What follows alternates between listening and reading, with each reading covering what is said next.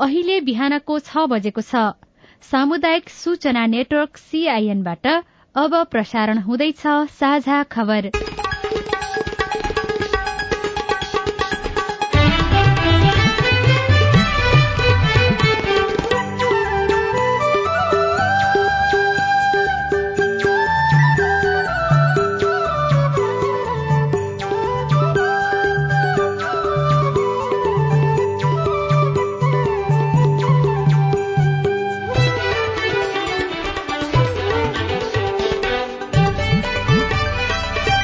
शुभ प्रभात। यो सीआईएनको साझा खबर हो। स्नेहा कर्णसँगै लील प्रकाश चन्दको तपाईँलाई स्वागत छ। सामुदायिक रेडियोबाट देशैभरि एकैसाथ प्रसारण भइरहेको साझा खबर सीआईएन खबर डट कम र मोबाइल एप सीआईएनबाट पनि सुन्न सकिन्छ। आज दुई हजार उनासी साल भदौ सत्ताइस गते सोमबार सेप्टेम्बर बाह्र तारीक सन् दुई हजार बाइस नेपाल सम्बत एघार सय बयालिस आश्विन कृष्ण पक्षको द्वितीय तिथि। साझा खबरमा प्रमुख खबरका शीर्षकहरू। प्रदेश र प्रतिनिधि सभाको समानुपातिक निर्वाचन कार्यतालिका सार्वजनिक चुनावमा तीन लाख सुरक्षाकर्मी परिचालन हुने गरी सुरक्षा योजना स्वीकृत। असोज एकमा सांसदहरूको विदाई गर्ने संसद सचिवालयको तयारी। सीट बाँडफाँडको बारेमा सहमति गर्न आज पनि सत्ता गठबन्धनको शीर्ष नेताहरूको बैठक बस्दै निलम्बित प्रधान न्यायाधीश जवराको बयान भोलि सक्ने तयारी काठमाडौँ निजगढ़ द्रुतमार्ग निर्माणमा अनियमितता भएको संसदीय समितिको ठहर। अन्तर्वाली कोदो खेती प्रभावकारी हुने विज्ञहरूको सुझाव। सिटामोलको अभाव तीन दिनमा सहज हुने चीनसँगको नाका खोल्ने बारे परराष्ट्र मन्त्रीले भोलि छलफल गर्ने। पपुवा न्यू गिनीमा गएको भूकम्पमा परि पाँचजनाको मृत्यु सुनामीको चेतावनी युरोपमा ऊर्जा संकट बढ़्यो बेलायतका महारानी एलिजाबेथको अन्त्येष्टि अर्को साता गरिने। र नेपाल टी ट्वेन्टी लीग विदेशी खेलाड़ीको ड्राफ्ट सकियो एसिया कप क्रिकेटको उपाधि श्रीलंकालाई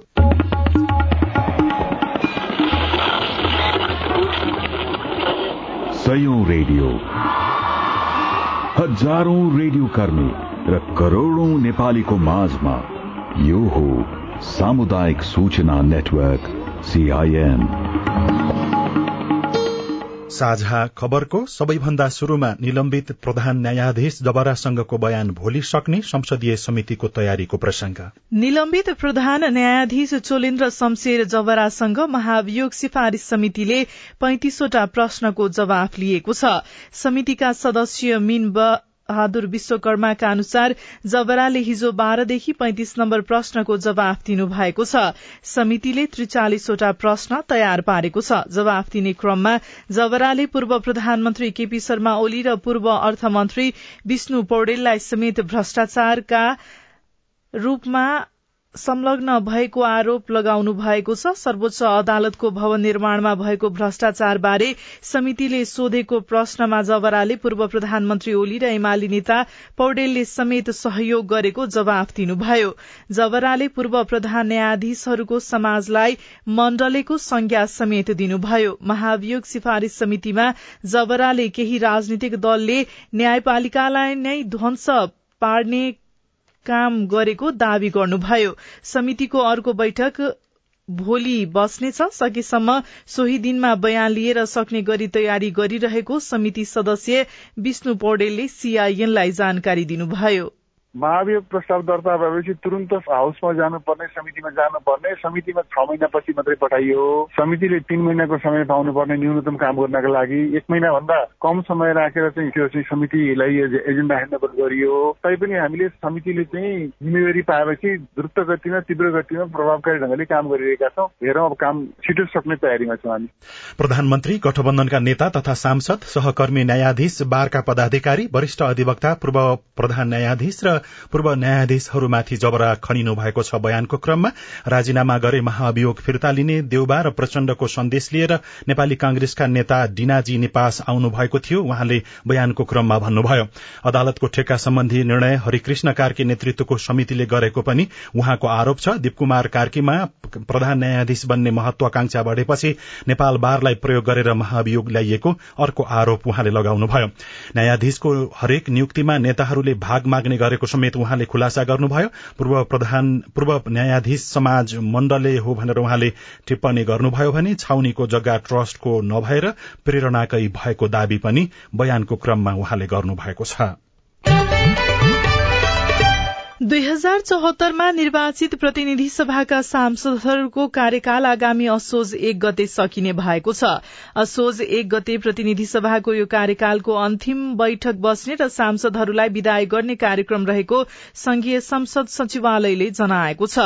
पाँच वर्ष अघि अर्थात दुई हजार चौहत्तर मंगिर दश र एक्काइस गते भएको निर्वाचनमा निर्वाचित भएका प्रतिनिधि सभाका सांसदहरू पहिलो पटक सोही सालको फागुन एक्काइस गते संसद प्रवेश गरेका थिए। थिए प्रतिनिधि सभाको कार्यकाल आगामी असोज एक गतेसम्म मात्रै रहने निर्क्योल भएसँगै सोही दिन अर्थात असोज एक गते अन्तिम बैठक राखेर सांसदहरूलाई विदाय गर्न लागि हो। एक गते अन्तिम बैठक राख्ने र त्यसपछि सभामुखले भोज दिएर विदाय गर्ने कार्यक्रम राखिएको सचिवालयले जनाएको छ। त्यसअघि भदौ उनातिस गते पनि संसदको बैठक राखिएको छ। सोही दिन बेपत्ता पारिएका व्यक्तिको छानबिन सत्य निरूपण तथा मेलमिलाप आयोग ऐन दुई हजार एकहत्तरलाई संशोधन गर्न बनेको विधेयक पारित गर्ने सरकारको तयारी रहेको छ। निर्वाचन आयोगले आगामी मंगिर चार गते हुने प्रदेश सभा तथा प्रतिनिधि सभाको निर्वाचनको समानुपातिक तर्फको निर्वाचन कार्यतालिका हिजो सार्वजनिक गरेको छ। तालिका अनुसार दलहरूले असोज दुई र तीन गते उम्मेद्वारको बन्द सूची आयोगमा पेश गर्नुपर्नेछ। असोज चारदेखि नौ गतेसम्म आयोगले बन्द सूचीमाथि छानबिन गर्नेछ भने कानून अनुसार नभएमा सच्याउन दलहरूलाई सूचित गर्ने तालिका छ। दलहरूले बन्द सूची संशोधन गरी असोज दशदेखि सोह्र गतेसम्म पेश गर्नुपर्ने तालिकामा उल्लेख गरिएको निर्वाचन आयोगका प्रवक्ता शालिग्राम शर्मा पौडेलले सीआईएनसँग बताउनुभयो। उपनिर्वाचनमा नेपाली सेना नेपाल प्रहरी सशस्त्र प्रहरी बल एपीएफ राष्ट्रिय अनुसन्धान विभाग र म्यादी प्रहरी परिचालन सम्बन्धी सुरक्षा योजना पनि स्वीकृत गरिएको छ। सुरक्षा योजनामा सेना प्रहरी सशस्त्र र अनुसन्धान विभागबाट पाउने दुई लाख तथा म्यादीका एक लाख पन्ध्र हजार परिचालन गरिने उल्लेख गरिएको छ। गृहमन्त्री बालकृष्ण खानको अध्यक्षतामा हिजो बसेको केन्द्रीय सुरक्षा समितिको बैठकले प्रतिनिधि सभा र प्रदेश सभा सदस्य निर्वाचन विशेष सुरक्षा योजना दुई हजार उनासी स्वीकृत गरेको हो। केन्द्रीय सुरक्षा समितिले सुरक्षा योजना एकीकृत रूपमा पेश गर्न गृह र रक्षा मन्त्रालय तथा चारवटै सुरक्षा निकायलाई निर्देशन दिएको थियो। गृहमन्त्री खानले निर्वाचन निष्पक्ष धाँधली रहित र भयरहित वातावरणमा सम्पन्न गर्ने गरी जिम्मेवारी निर्वाह गर्न सुरक्षा निकायका अधिकारीहरूलाई निर्देशन पनि दिनुभयो। भएको छ। सीट बाँडफाँड बारे सहमति जुटाउन बसेको सत्ता गठबन्धनको बैठक पुनः बिना निष्कर्ष टुंगिएको छ। नेपाली कांग्रेसका सभापति एवं प्रधानमन्त्री शेरबहादुर देउवा नेकपा माओवादी केन्द्रका अध्यक्ष पुष्पकमल दाहाल प्रचण्ड नेकपा एकीकृत समाजवादीका अध्यक्ष माधव कुमार नेपाल र जनता समाजवादी पार्टीका अध्यक्ष उपेन्द्र यादव सहित शीर्ष नेताहरू बीच हिजो गठबन्धनमा सीट बाँडफाँडबारे छलफल भएको हो। तर बिना निष्कर्ष टुंगिएको एकीकृत समाजवादीका वरिष्ठ नेता झलनाथ खनालले जानकारी दिनुभयो। हामीले अब यही तालमेलको बारेमा छलफलहरू गर्यौं कार्यदलले अहिलेसम्म गरेको कुराहरूको बारेमा त्यहाँ रिपोर्टिङ भयो। त्यो रिपोर्टिङ भइसकेपछि कैयौं कुराहरू मिलिसकेको र कैयौं कुराहरूमा चाहिँ मिलाउन बाँकी रहेको। यी कुराहरू रिपोर्टिङ भएको छ र त्यो आधारमा अब सकेसम्म टुङ्गो लगाउँछौ। के के बाँकी भए बाँकी टाँकी कुराहरू अगाडि जालान् तर अधिकांश विषय टुङ्गो लाग्छ। सीट बाँडफाँडका बारेमा सहमति गर्न आज पनि सत्ता गठबन्धनका शीर्ष नेताहरूको बैठक बस्दैछ। गठबन्धनमा कार्यदलले करिब नब्बे सीटमा साझा समझदारी बनाए पनि बाँकी सीटमा दलहरूबीच विवाद कायमै रहेको छ। प्रधानमन्त्री समेत रहनुभएका नेपाली कांग्रेसका सभापति देउबाको ध्यान भने गठबन्धन जोगाउने र आफ्ना नजिकका नेताहरूलाई जिताउनेतर्फ केन्द्रित रहेको छ। तत्कालका लागि लाभ हानि हेरेर अंक गणितको व्यवहारवादी राजनीति गर्न सिपालु देउबा आफ्नै नेतृत्वमा चुनाव गराएर जनमतबाट छैठौं पटक प्रधानमन्त्री बन्ने योजनामा समेत देखिनु भएको छ। तर नेकपा एमाले भने अहिलेको गठबन्धन फुटाउने रणनीति लिएको भनेर विभिन्न टीका टिप्पणी र विश्लेषण पनि हुने गरेको छ। संसदीय समितिले काठमाडौँ निजगढ़ द्रुतमार्ग आयोजनाको ठेक्का व्यवस्थापन प्रक्रियामा संलग्न आयोजना प्रमुख लगायत जिम्मेवार पदाधिकारीहरूलाई कार्यवाही गर्न सरकारलाई निर्देशन दिएको छ। प्रतिनिधि सभा अन्तर्गतको विकास तथा प्रविधि समितिको सिंहदरबारमा बसेको बैठकले आयोजनाको ठेक्का सम्झौता सम्बन्धी छानबिन समितिको प्रतिवेदनलाई आधार मानेर ठेक्का व्यवस्थापन प्रक्रियामा संलग्न आयोजना प्रमुख लगायतका जिम्मेवार पदाधिकारीहरूलाई कार्यवाही गर्न निर्देशन दिएको हो। सार्वजनिक खरिद ऐन अनुसार ठेक्का प्रक्रियाको काम अघि नबढ़ेकाले सम्बन्धित पदाधिकारीहरूलाई कार्यवाही गर्न प्रधानमन्त्री तथा मन्त्री परिषद कार्यालय र रक्षा मन्त्रालयलाई सचेत गराइएको समितिका सभापति कल्याणी कुमारी खड्काले जानकारी दिनुभयो। मिति दुई हजार अठहत्तर बाह्र तेह्र गतेको निर्देशन बमोजिम गठन भएको छानबिन समितिको प्रतिवेदनले प्याकेज नम्बर चार र पाँचको ठेक्का सम्झौता सार्वजनिक खरिद ऐन दफा सत्ताइस तीन बमोजिम नभएको पुष्टि गरिसकेको साथै समितिबाट पनि आयोजनाका ठेक्का प्रक्रियाहरूमा कानून बमोजिम सम्पन्न गर्न पटक पटक निर्देशन गरिसकेको सन्दर्भमा निर्दिष्ट कानून विपरीत ठेक्का व्यवस्थापनको कार्यमा संलग्न आयोजना प्रमुख लगायत जिम्मेवार पदाधिकारीलाई कानून विबन्धी कार्यवाहीको प्रक्रिया अगाडि बढाउन र आगामी दिनमा यस्ता कमी कमजोरीहरू नदोहोरिने गरी आयोजनाको काम अगाडि बढाउन समिति नेपाल सरकार प्रधानमन्त्री तथा मन्त्री परिषदको कार्यालय र रक्षा मन्त्रालयलाई निर्देश गर्दछ। बैठकले रेल पूर्वाधार आयोजना अन्तर्गत जनकपुर जयनगर र जनकपुर कुर्था बर्दिवास निजगढ़ खण्डको स्थलगत अवलोकन भ्रमण प्रतिवेदन पनि पेश गरी सुझाव सहित पारित गरेको छ।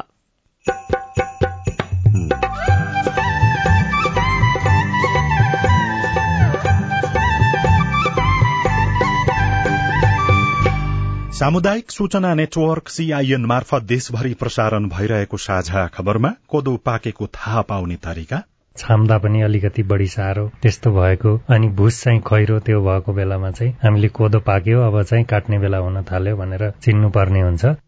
सिटामोलको अभाव तीन दिनमा सहज हुने चीनसँगको नाका खोल्ने बारे परराष्ट्र मन्त्रीले भोलि छलफल गर्ने लगायतका खबर बाँकी नै छन्। सीआईएनको साझा खबर सुन्दै गर्नुहोला।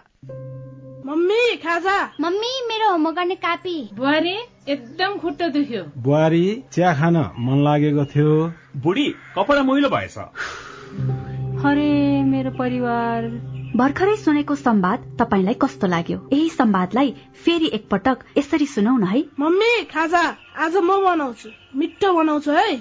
मम्मी मेरो होमवर्क गर्ने कापी। मैले खोजिसके। अब म होमवर्क गर्छु।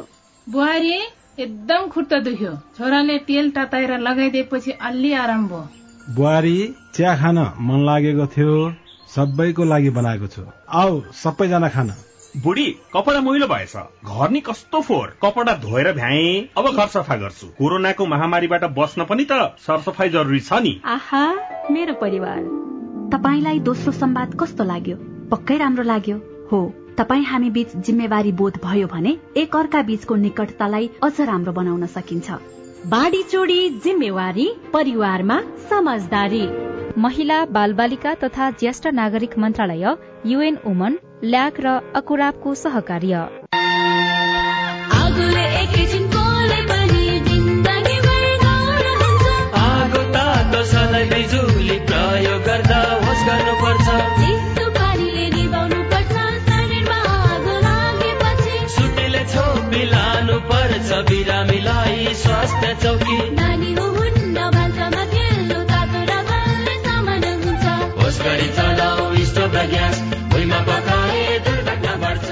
अग्निजन्य दुर्घटना भएमा शून्य एक पचपन्न पचपन्न छ आठ नौमा सम्पर्क गर्नुहोस्। बीबीएस नेपाल ललितपुर। सामाजिक रूपान्तरणका लागि यो हो सामुदायिक सूचना नेटवर्क सीआईएन तपाईँ अहिले देशभरिका सामुदायिक radio CIN Khabar dot com र मोबाइल एप सीआईएनबाट एकैसाथ साझा खबर सुन्दै हुनुहुन्छ। अब बाँकी खबर। परराष्ट्र मन्त्री डाक्टर नारायण खड्काले उत्तरी नाका खुला र सहज बनाउन विशेष पहल भइरहेको बताउनु भएको छ। मन्त्री खड्काले उत्तरी नाकाबाट चीन र तिब्बतसँग व्यापार गर्ने व्यापारी तथा सिन्धुपाल्चोकका जनप्रतिनिधिसँगको भेटमा सो जानकारी गराउनु भएको हो। प्रतिनिधि मण्डलको ज्ञापन पत्र बुझ्दै मन्त्री खड्काले दुवै नाका पूर्ण रूपमा सञ्चालन गर्न चिनिया सरकारसँग छलफल भइरहेको बताउनुभयो।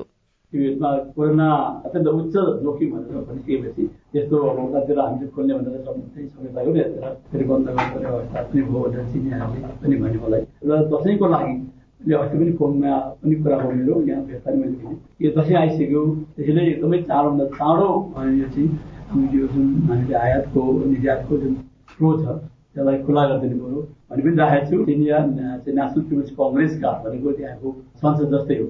यसको सभाध्यक्ष सभामुखज्यू नेपालको तिन दिने भ्रमण आउँदै हुनुहुन्छ। त्यो बेला म कुरा पाउँछु तिब्बतका विभिन्न क्षेत्रमा रोकिएका मालवाहक कन्टेनर तातो पानी नाका हुँदै नेपाल भित्रिन थालेका छन्। तातो पानी सुक्खा बन्दरगाह भन्सार कार्यालयका प्रमुख नारद गौतमका अनुसार शनिबार मात्रै पाँचवटा कन्टेनर र हिजो तीन कन्टेनर नेपाल भित्रिएका छन्। यी कन्टेनरमा स्याउ र लसुन रहेका छन्। एक महिना भन्दा बढ़ी समय तिब्बतमै रोकिएकाले कन्टेनरमा भएका स्याउ भने पूर्ण रूपमा बिग्रिएको बताइएको छ। अब आज काठमाडौँबाट प्रकाशित पत्र पत्रिकाको खबर। नयाँ पत्रिका दैनिकमा स्थानीय सरकारमा दुई सय तीन ठेकेदार शीर्षकमा खबर छापिएको छ। गत वैशाखमा सम्पन्न निर्वाचनबाट स्थानीय तहमा दुई सय तीनजना ठेकेदार निर्वाचित भएको पाइएको छ। उनीहरूमध्ये बाह्रजना नगरपालिकाका मेयर र चौतिसजना गाउँपालिकाका अध्यक्ष छन्। दुईजना जिल्ला समन्वय समितिका प्रमुख पाँच उपमेयर र छ उपाध्यक्ष रहेका छन्। एक सय उन्तिस जना वडा अध्यक्ष र चौध जना वडा सदस्य पनि ठेकेदार रहेको पाइएको छ। ठेकेदार स्थानीय सरकारको नेतृत्वमा आउँदा कामहरूमा स्वार्थ बाजिने सम्भावना अधिक हुने पनि विज्ञहरूले बताउने गरेका छन्। नेपालमा कडाईपछि भारतबाट मानव तस्करी शीर्षकमा अर्को खबर छ। नेपालमा भिजिट भिसामा विदेश जान कडाई भएपछि भारत हुँदै विभिन्न देश पठाउन थालिएको पाइएको छ। भारत हुँदै कम्बोडिया पुगेका तीन नेपालीलाई त्यहाँको अध्यागमनले शंका लागेपछि गत मंगलबार विमानस्थलबाटै फर्काइदिएपछि यसको रहस्य खुलेको हो। करिब तीन साता यता नेपालको विमानस्थलबाट भिजिट भिसाको सेटिङ भत्किएको प्रहरीले दावी गर्ने गरेको थियो। भित्री पन्नामा महाकालीमा बेपत्ता दसजना अझै भेटिएनन् शीर्षकमा अर्को खबर छ। गत शुक्रबार रातीदेखिको अविरल वर्षा र बाढ़ी पहिरोका कारण बेपत्ता भएका महाकाली नगरपालिकाका दसजना अझै भेटिएका छैनन्। पानीको बहाव नघट्दा खोजी कार्यमा समेत समस्या भएको प्रहरीको भनाइ छ बाढ़ी प्रभावित क्षेत्रमा एक साता विद्यालय बन्द गरिएको छ र बाढ़ी प्रभावितको उद्धार र उनीहरूको पुनस्थापना व्यवस्थापनमा कुनै पनि कसर बाँकी नराख्न गृह मन्त्रालयले मातहतका निकायलाई निर्देशन दिएको छ। गोर्खापत्र दैनिक को भित्री पृष्ठमा फेरि सिटामोल अभाव शीर्षकमा खबर लेखिएको छ। काठमाण्डु उपत्यकामा सिटामोल अभाव भएको छ। उपत्यका सहित मुलुकभर डेंगीको संक्रमण बढ़ेसँगै बजारमा सिटामोल अभाव हुन थालेको हो। डेंगी विरूद्धको खास उपचार र औषधि नभएका र बिरामीले ज्वरो नियन्त्रणका लागि सिटामोल प्रयोग गर्नुपर्ने भएपछि सिटामोलको माग बढ़ेको हो। डेंगीको संक्रमणमा उच्च ज्वरो आउने भएकाले सिटामोल खान चिकित्सकहरूले सुझाव दिने गरेका छन्। यता औषधि व्यवस्था विभागका महानिर्देशक भरत भट्टराईले सिटामोल बजारमा अभाव भन्दा पनि माग एक्कासी बढ़ेकाले सबै ठाउँमा उपलब्ध नभएको बताउनु भएको छ। उहाँले हाल बजारमा देखिएको सिटामोल अभाव अबको तीन दिनमा समाधान हुने दावी गर्नुभयो। यस्तै भित्री पृष्ठमा बाढ़ी पीड़ितलाई तत्काल राहत शीर्षकमा अर्को खबर लेखिएको छ। केन्द्रीय सुरक्षा समितिको बैठकले दार्चुला जिल्लामा गएको बाढ़ी पहिरोमा परि घाइते र विस्थापित भएकालाई उद्धार राहत र पुनस्थापना यथाशक्य गर्ने निर्णय गरेको छ। दार्चुलामा तीन दिन अघि बाढ़ी पहिरो गएको थियो। गृहमन्त्री बालकृष्ण खाँडको अध्यक्षतामा हिजो गृह मन्त्रालयमा बसेको समितिको बैठकले सो निर्णय गरेको हो। राजधानी दैनिकमा दश प्रतिशत उम्मेद्वार अनिवार्य शीर्षकमा महेश्वर गौतम लेख्नुहुन्छ। आगामी चार मंगिरमा हुने प्रतिनिधि सभा र प्रदेशसभा निर्वाचनका लागि राजनीतिक दलले निर्वाचन आयोगमा उम्मेद्वारको बन्द सूची पेश गर्दा कानून अनुसार कम्तीमा दश प्रतिशत उम्मेद्वारको सूची बुझाउनु पर्ने भएको छ। आयोगले प्रदेशसभा तथा प्रतिनिधि सभाको निर्वाचनको समानुपातिक पद्धतितर्फको निर्वाचन कार्यतालिका र रुजु सूची सार्वजनिक गर्दै यस्तो व्यवस्था गरेको हो। अर्को खबर कर्मचारी र प्रहरीको अस्वाभाविक सरूवा पहुँच र पैसा हुने गैंडा सरूवामा नहुने डाँफे शुरूमा शीर्षकमा खबर छापिएको छ। निर्वाचन आयोगले निर्वाचन आचार संहिता लागू गर्ने तयारी गरेसँगै सरकारले कर्मचारी तथा प्रहरीको अस्वाभाविक रूपमा सरूवा गरेको छ। विगत डेढ़ सातामा नै हजार भन्दा बढ़ी कर्मचारी र तीन हजार प्रहरी सरूवा गरिएको छ। सरकारले निर्वाचनमा आफू अनुकूलका कर्मचारी आफ्नो अनुकूलका ठाउँमा पठाउने उद्देश्यले मापदण्ड बिना अस्वाभाविक रूपमा कर्मचारीको सरूवा गरेको भनेर कर्मचारी भित्रीबाट आरोप लाग्न थालेको छ। संघीय मामिला तथा सामान्य प्रशासन मन्त्रालयले कर्मचारी सरूवा सम्बन्धी मापदण्ड बनाउन सकेको छैन जसका कारण कतिपय सरूवा विवादित समेत हुने गरेका छन्। साझा खबरमा अब प्रश्नोत्तर श्रृंखला प्रस्तुत गर्दै हुनुहुन्छ सजना तिमल सिन्हा। नमस्कार म हरिदत्त शर्मा कुष्म नगरपालिका वडा नम्बर पाँचबाट बोलिरहेको छु। शिक्षा ऐन कहिले आउँछ? हरिदत्तजी केही दिन अघि शिक्षा मन्त्री देवेन्द्र पौडेलले सीआईएनसँग कुराकानी गर्दै यो ऐन संघीय संसदमा जसरी पनि पुर्याउने प्रक्रियामा रहेको र छिट्टै ल्याइने प्रतिबद्धता व्यक्त गर्नु भएको छ। नमस्कार म कोशी गाउँपालिका दुई सुनसरीबाट महाशङ्कर शाह। मेरो घर छेउको दुई कट्ठामा तिनतिरबाट बाँसको झ्याङ लगाइदिँदा छाया नै छाया छ केही बाली उब्जिँदैन। त्यस्तो छाया भएको ठाउँमा कुन बाली वा के लाउँदा त्यो जग्गाले उपयोगमा ल्याउन सकिन्छ? तपाईँको जमिनमा के लगाउन सकिन्छ भनेर हामीले कृषि विज्ञ डाक्टर सुरेन्द्र श्रेष्ठलाई सोधेका छौं। कुरा चाहिँ अलिक स्पष्ट भएन। यो तराईमा हो कि मध्य पहाडमा हो कि उच्च पहाडमा हो होइन? तराईमा हो भनेदेखि चाहिँ बेसार भयो। अदुवा लगाउन सकिन्छ। मध्य पहाड बेसीमा हो भनेदेखि चाहिँ कफी लगाउन सक्छौँ। बेसार लगाउन सकिन्छ अदुवा लगाउन सकिन्छ। यदि अलिकति सेपिलो ठाउँ छ भनेदेखि चाहिँ हामीले अलैँची पनि लगाउन सकिन्छ। सीआईएनको साझा खबरमा कोदो पनि विदेशबाटै आयात गर्नुपर्ने अवस्था सम्बन्धी रिपोर्ट सुनेपछि कमल गिरी आफ्नो समस्या सुनाउँदै भन्नुहुन्छ। चौतारा साङ्गाचोक गढी नगरपालिका वडा नम्बर एघार कमल गिरी बोलेको बाँदरले र बदलले केही पनि गरेको दुई मिनट भित्रमा सखापै गर्छ। यसमा नियन्त्रणको लागि के छ? कमलजी तपाईँको प्रश्न सुनेपछि चौतारा साँगाचोक गढी नगरपालिकाका प्रमुख कृष्ण प्रसाद सापकोटा यो समस्या समाधानको लागि पहल भइरहेको दावी गर्नुहुन्छ। हामीले खोर बनाएका छौँ कि एउटा बाँदरलाई चाहिँ खोर बनाउने बाँदरलाई थुन्ने र त्यसपछि उसलाई नियन्त्रण गर्ने चाहिँ अहिले भर्खरै हामीले प्रयोगमा ल्याएका छौँ। त्यो कति सफल हुन्छ हेर्ने र त्यसका साथसाथै फेरि चाहिँ अब अरू नयाँ प्रविधिहरू के हुन सक्छन्? दुई तिनवटा आइटममा हामीले पासो थापेर होइन उनीहरूलाई नियन्त्रणमा लिने चाहिँ प्रयोगमा ल्याएका छौँ हामीले। त्यो एघार नम्बरकै जो साथीले अहिले जिज्ञासा राख्नुभयो त्यहीँ नै प्रयोग गरेका छौँ हामीले। भने त्यो कति बेला कहाँ पर्छ होइन? त्यसका साथसाथै अरू जे नयाँ प्रयोगहरू चाहिँ अब त्यो खोजी गरेर हामीले त्यसलाई लागू गर्ने प्रयत्न गरिराखेका छौँ। हेलो नमस्ते हजुर। म रसुवा उच्च गाउँपालिका चारबाट सरोज हमला बोल्दैछु। अबको मसित गते हुने संविधान सभाका लागि म्यादी प्रहरीमा स्थानीय निर्वाचनमा कट भएका म्यादी प्रहरीलाई मात्र प्राथमिकता दिने भनेको सुन्छु। नयाँले चाहिँ भर्ना हुन पाइने कि नपाइने हो यसको लागि बताइदिनुहोस् न। म्यादी प्रहरीको लागि आउँदो बिहिबारदेखि असोज छ गतेसम्म आवेदन दिन सकिनेछ।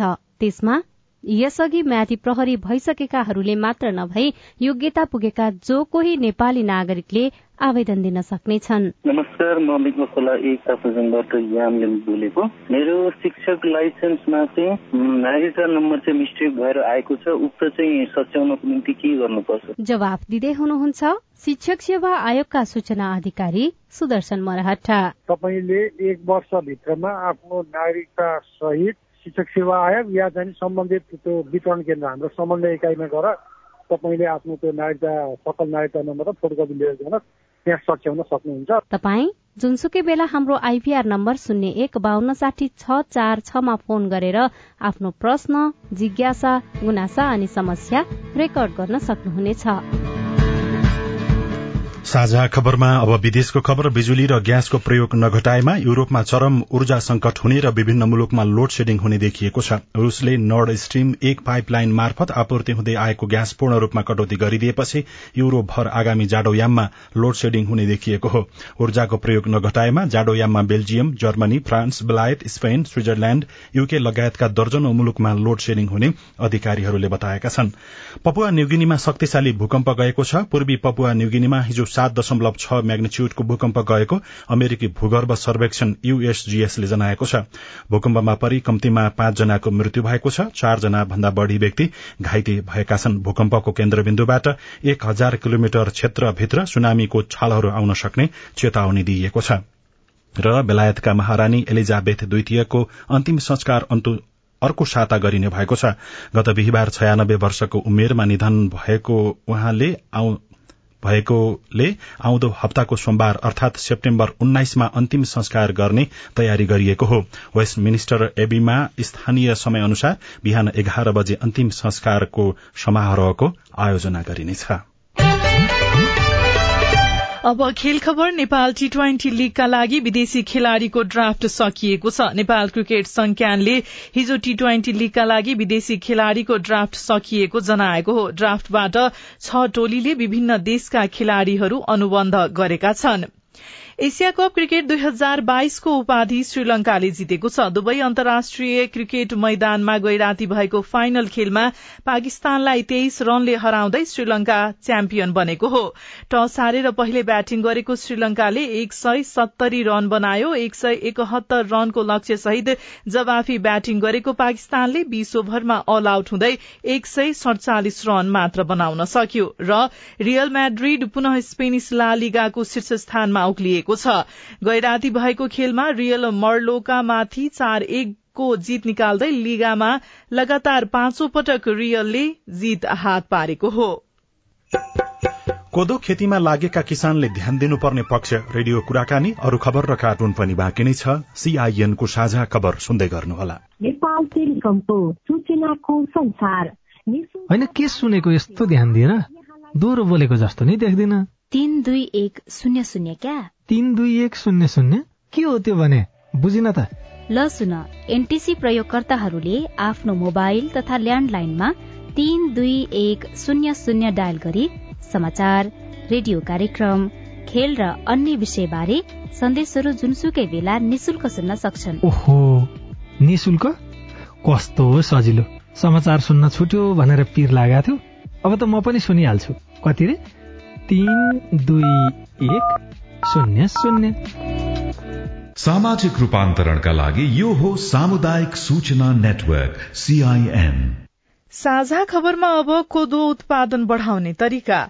बाली विकास तथा जैविक विविधता संरक्षण केन्द्रका अनुसार देशभर वर्षेनी दुई लाख बैसठी हजार हेक्टर क्षेत्रफलमा तीन लाख बीस हजार मेट्रिक टनको हाराहारीमा कोदो उत्पादन हुने गरेको छ। कोदो खेतीमा ध्यान दिनुपर्ने कुराहरू के के हुन सक्छन्? साथी अविनाश आचार्यले केन्द्रका वरिष्ठ बाली विकास अधिकृत मुकुन्द भूषालसँग कुराकानी गर्नु भएको छ। ब्याड राखेर पछि बेर्न सार्ने किसिमले रोप्न सकिन्छ भने अर्को चाहिँ यसलाई सिधै बिउ छरेर पनि रोप्न सकिन्छ। ब्याड राखेर रोप्दाखेरि किसानहरूले एउटा त सिधै खाली खेतमा अथवा बारीमा रोप्ने अर्को चाहिँ मकै भित्र चाहिँ अन्तरबालीको रूपमा पनि रोप्ने गरेको पाइन्छ। एउटा माटो खनेर रोप्दै जाने र त्यसलाई कुच्दै जाने गरी रोपिन्छ। अर्को रोप्दै उल्टोतिर फर्किने गरी रोपिन्छ। अर्को ब्याड नै त्यसैमा राखेर गोड्ने गरी रोपिन्छ। यी मध्ये उपयुक्त चाहिँ कुन हुन्? माटो बुरुबुराउँदो बनाएर त्यसलाई चाहिँ रोप्दै पछाडि सर्दै त्यसमा चाहिँ अलिकति दूरी पनि मिलेको देखिन्छ क्या त्यो आँखाले देखिन्छ। अगाडिबाट रोप्दै पछाडि आउँदाखेरि त्यो चाहिँ अलिकति उपयुक्त देखिन्छ। वास्तवमा त्यो एउटा विधि हो भने यसमा खास गरेर माटो लगायत मलखातको कुराले पनि धेरै फरक पार्छ। यसको उत्पादनमा चाहिँ पहाडी क्षेत्रमा अझ प्रचलन चाहिँ के हुन्छ भने मकै खन्ने बेलामा चाहिँ माटो खनेर माटो हलुका भएको हुन्छ। त्यो भइसकेपछि चाहिँ रोप्ने चलन हुन्छ। यो कोदोमा चाहिँ झारले बढी असर पारिराखेको हुन्छ। त्यो मकै खन्दाखेरि झारहरू सबै उखेलिएको हुन्छ। त्यसपछि कोदो रोप्दा त्यो चाहिँ अझ राम्रो प्रभावकारी हुन्छ। मकै भित्र रोपेको कोदो चाहिँ कति समयपछि त्यो मकै काटिदिनुपर्छ अथवा कोदोलाई खुल्ला ठाउँ बनाइदिनुपर्छ ताकि कोदो राम्रोसँग सफ्रियोस्? तीसदेखि पचास दिनको अवधिमा मकै गोडमेल गर्ने बेला हुन्छ। त्यो भएपछि कोदोको अवधि त लामो हुन्छ चारदेखि पाँच महिना हुन्छ होइन? अनि कोदो रोपेपछि कोदो जब अलिअलि बढेर माथि आइपुगेको हुन्छ लगभग कोदो बाला लाग्ने बेला भन्दा अलिकति पहिला काट्न सक्यौँ भने चाहिँ त्यसले राम्रोसँग घाम अनि त्यसपछि त्यो अलिकति खुला इन्भाइरोमेन्ट पाउँछ। त्यसले गर्दाखेरि बाला राम्रोसँग लाग्ने बाला पोटिलो हुने त्यो चाहिँ हुन्छ। कस्तो पनि चलन छ भने मकैका बोटहरूको पात लाछिदिने। यदि मकै पाकेको छैन भने त्यो पनि समयमा गर्न सकियो भने चाहिँ फाइदा पुग्ने भयो। पातहरू लाछियो भने के हुन्छ भने पुरै घाम नपरे पनि अलिकति घाम चाहिँ परिराखेको हुन्छ। त्यो एकदमै राम्रो प्रक्रिया हो त्यो कोदोको लागि। कोदोमा दुई चार बाला पाकेको भइसकेपछि अब पाक्छ। भनेर त्यो अन्दाजले काटिदिने चलन छ।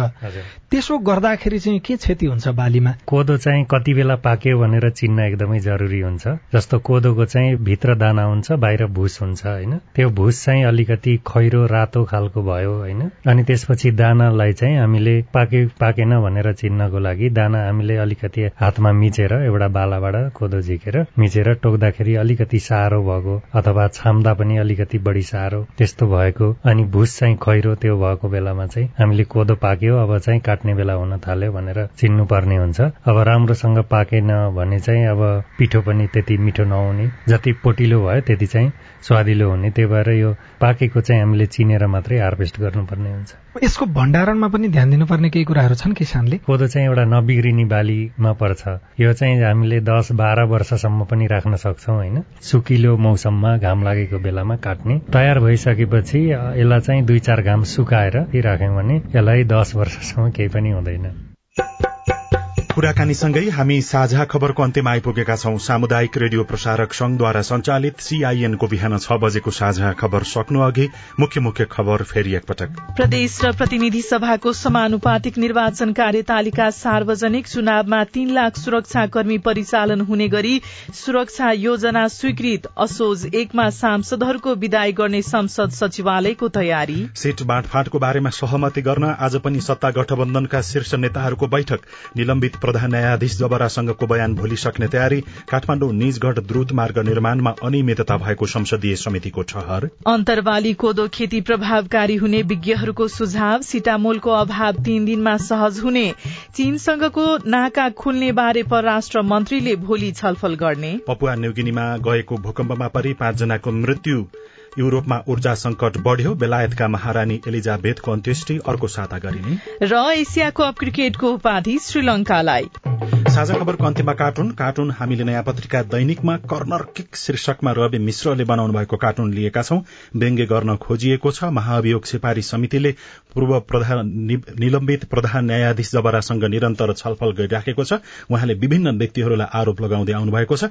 एउटा बन्द कोठा जस्तो छ। एकजना नेता जस्ता ठूलो भुँडी भएका व्यक्ति छन् र अर्को एकजना दुब्ला पातला व्यक्तिले केही प्रश्न सोधिराखेका छन्। ती व्यक्तिलाई माथि चाहिँ यस्तो लेखिएको छ ठूलो नेता रे? कसरी ठूलो नेता? अझै चोलेन्द्रजीले डामेका छैनन्? हवस् त प्राविधिक साथी सुनिल राज भारतलाई धन्यवाद। अहिलेलाई लील प्रकाश चन्द्र स्नेहा कर्ण विदा भयो। तपाईँको आजको दिन शुभ होस्। नमस्कार। यसपछि देशभरिका सामुदायिक रेडियोबाट कार्यक्रम जीवन रक्षा प्रसारण हुनेछ। सुन्ने प्रयास गर्नुहोला।